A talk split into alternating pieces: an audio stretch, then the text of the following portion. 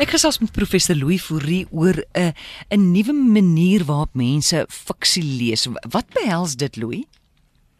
Môre ek ek wonder of jy uh lank terug onthou, maar nou dink ek aan die ander kant jy's nog seker te jonk, maar baie van ons ouer luisteraars sal seker onthou dat daar was 'n tyd uh, veral dat hierdie vervolgverhaal, vervolgverhale op Afrikaanse radio en ook op Springbok radio ongelooflik gewild was. Dit mense het so getrou geluister. Skoolkinders het middag geluister en die ouers was baie soms nou 'n bietjie moeilik daaroor. Maar daar was groot afwagting. Elke dag wil mense hoor wat is die nuutste wendinge van Dr Marius Hugo of die geheim van Nantes of die deploys van Soetmelkvoltyd. Uh, Soetmelksvlei. Nou dit was 'n interessante tyd en nou sien ek dit weer op 'n op 'n ander manier en dit is dat mense nou na hulle slimfone gryp om na die nuutste afleweringe van hulle gunsteling skrywers en die keer nie te luister nie maar te lees. Skars het die skrywer 'n nuwe hoofstuk aanlyn gepubliseer of jy sien die eerste opmerkings. Daar was so vinnig as 10 na 13 sekondes. Dan begin hierdie opmerkings van die lesers verskyn. En daar's een van hierdie populêre vervolgverhale op die oomblik uh, en die naam is After en verlede week byvoorbeeld uh, het nadat die nie laaste hoofstuk of die nuutste hoofstuk verskyn het was daar 10000 opmerkings op die eerste dag. Sjoe. Dit is ongelooflik baie mense wat lees en die vervolgverhaal het op die oomblik meer as 'n miljoen lesers en dan sê ons die mense van vandag lees nie meer nie, maar dis nie dis nie waar nie. Daar's ongelooflik baie lesers. Nou daar's 'n baie 'n bekende en ek wil amper sê dis tans die gewildste sosiale platform vir vervolgverhale en dit is Wattpad. Nou Wattpad is nou al 'n hele jaar, paar jaar met ons, maar dit is nou ongelooflik gewild. Daar's meer as 2 miljoen 2 miljoen skrywers wat 100 000 hoofstukke per dag vir 20 miljoen lesers publiseer. Dit is vir my ek wil amper sê is asemrowend. Ja, so wil jy sê die skryf van fiksie is besig om te transformeer? Ja, inderdaad. Ek dink 'n dekade of wat gelede het ons eh, sê jy onthou die internet internet mos die publisering en en die verkope van boeke totaal getransformeer. Kyk, daar's al hoe meer boeke is aanlyn gepubliseer, al hoe meer e-boeke beskikbaar geword, al hoe meer boeke is dis afgelaai in plaas van uh jy weet in in harde vorm ge, uh, gekoop en al hoe meer boeke is ook aanlyn verkoop. En nou is tegnologie weer besig om die om om die wêreld vol te verander en dit gaan oor die skrywe van van fiksie wat getransformeer word. Maar 'n boek nou is uh dit soos gebruik gebruiklik wil ek amper sê volledig en dikwels in alleenheid ges, geskryf is. En mense het baie gelees van hoe die skrywer soog in in sy eensaamheid of haar eensaamheid. En om hierdie boek daarom nou uh, te skryf het dit nou verander na 'n sosiaal wil ek sê interaktiewe aangeleentheid. En dit word hoofstuk vir hoofstuk word dit gebore geskryf en die opmerkings van die lesers word geïnkorporeer en benut en gebruik om die uh, aan die verhaal vorm uh, te gee en die storie te vertel. En die interessante is natuurlik dat die boeke gratis is en dat die skrywers ook nie betaal word nie. So wat eintlik gebeur het is maar net soos wat ons praat van burger uh, journalistiek het dieselfde gebeur en elke mens het nou die geleentheid om kreatief te wees. Jy het nou geleentheid om daardie groot storie wat jy wou nog altyd wou vertel te vertel sonder om dit alleen te doen of in eensaamheid te soog. En wat ons dan sien ook is dat kyk hoe belangriker 'n skrywer geword het, hoe groter het die afstand tussen skrywer en leser ons geword. En nou weer tipies internet word daardie afstand baie baie kleiner en die verhouding word baie meer interaktief. En die leser word die skrywer se beste vriend en terselfdertyd ook sy beste redigeerder.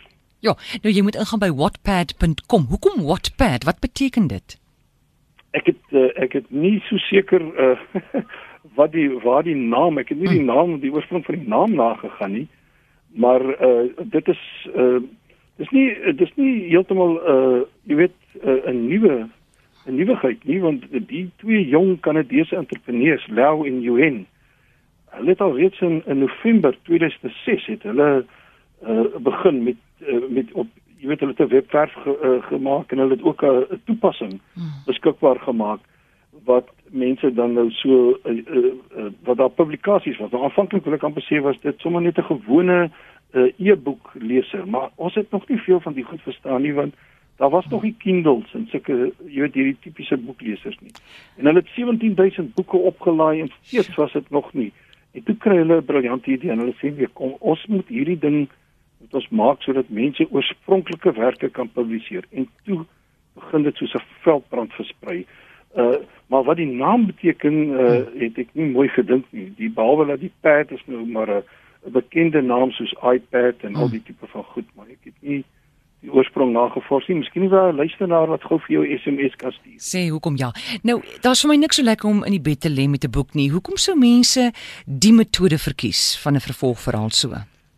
Weet jy, ek ek het die idee dat uh dat dit aan een kant is is dit eintlik eenvoudig want mense dis 'n verteerbaar as jy so hoofstuk vir hoofstuk lees jy het min mense deesdae tyd om 'n volle boek te lees en lees en dit is dit voel vir ons baie makliker. Ek lees net gou-gou 'n hoofstuk hmm. en terwyl ek iewers wag lees ek gou die hoofstuk. En buitendien is mense besig en ons sien dit onder ons studente al meer. Hulle lees nie meer lang boeke en artikels nie. Hulle hou van korter brokkies van inligting. Jy weet dit is tipies hierdie hiperteks metodologie. En dan dink ek aan die ander kant is uh is die aanlyn vervolgverhaal metode ook baie meer interaktief en lesers kan nou deelneem. Ek kan weet wat ek kan deelneem aan hierdie skryf. Ek kan ek kan voorstelle maak. Ek kan tipe van dinge, ek kan help aan die einde. Nou ja, en dit gee vir my uh vir jou stem.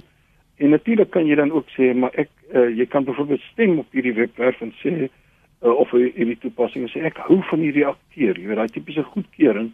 En uh, jy kan terugvoer gee, jy kan en die ondersteuning natuurlik vir die vir die skrywer is van groot waarde want hoe hoe baie keer weet 'n skrywer wat hy hoor so hier en daar maar nie 'n uh, 'n uh, 'n uh, aktiewe en ek wil sê 'n gemeenskap wat wat hom ondersteun of haar ondersteun nie en ek dink dit is hier wat dit so goed is en daar's 'n lekker ding nogal op Wattpad as jy 'n skrywer is jy kan die negatiewe opmerkings uitvee ja. Wat nie wat nie oral gedoen mm. kan word nie. So dit is 'n baie positiewe wil ek sê omgewing. So daai skrywers maak nie geld hier uit nie en die ouens self wat Wattpad begin het, hoe maak hulle geld?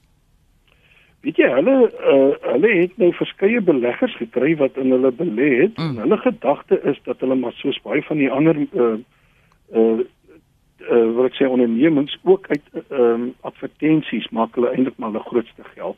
Nou as jy nou dink dat daar 'n hele paar miljoen uh, lesers is, 20 miljoen lesers dan is dit daarom 'n wye advertensie uh, wêreld uh, wat jy jou uh, wat jy ook al wil adverteer bekend kan maak en dit is maar die grootste bron van inkomste op die oomblik is advertensies. Kan enige skrywer hierop gaan en net begin te sy storie skryf? Enige persoon kan gaan. Jy moet natuurlik nou registreer uh, op uh, Wattpad. Uh maar jy kan en as mense sommer net op die webwerf gaan sal hulle sien daar's 'n lekker storie en ek is seker as jy selfs ek het gesukkel om die eerste hoofstuk nie klaar te lees nie. Ja. Uh daar's lieflike goed as natuurlik nog minder goeie en 'n mens moet ook een ding besef uh, dis weinig en baie van die skrywers sê ook ag hulle lees dit nie eers weer nie. So daar is nie regtig dat dit geproef lees is of ietsie. Dit is so 'n eerste weergawe en jy sal baie keer kry dat mense dit later opdateer of so.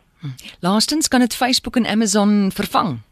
Jong, ek ek wil vir jou sê dat dit is vir my op die oomblik so groeiende gemeenskaps en en uh as so groot groeiende getal uh, lesers op die oomblik en terselfdertyd boeke en stories dat ek vir jou sê ek dink ou Jeff Bezos van Amazon en Mark Zuckerberg hm. van Facebook ek dink hulle is redelik bekommerd en ek glo ook hulle volg die ontwikkeling hiervan baie ja. noukeurig en ek sal nie verbaas wees uh, wat baie tipies is van Facebook byvoorbeeld om so iets soortgelyks in Facebook te inkorporeer in weet in die volgende maande wat kom nie want dis baie tipies wat Facebook doen om dieselfde tipe van dinge dan nou net deel van Facebook te maak maar ek dink hulle is hulle is bekommerd en as hulle geruime tyd dat mense sê die dag gaan kom dat mense nou weer iets nuuts soek en wegbeweeg van Facebook. En dit is nou een van die nuutste groeipunte van die ja. van die internet. Ek wil net sê daai Wattpad, jy spel dit W A T P A D D. W A T P A D D.com. Dankie Louis, dis baie interessant. Jy moet mooi gaan. Selle. Is professor Louis Fourie, departement inligtingstelsels Universiteit van die Wes-Kaap.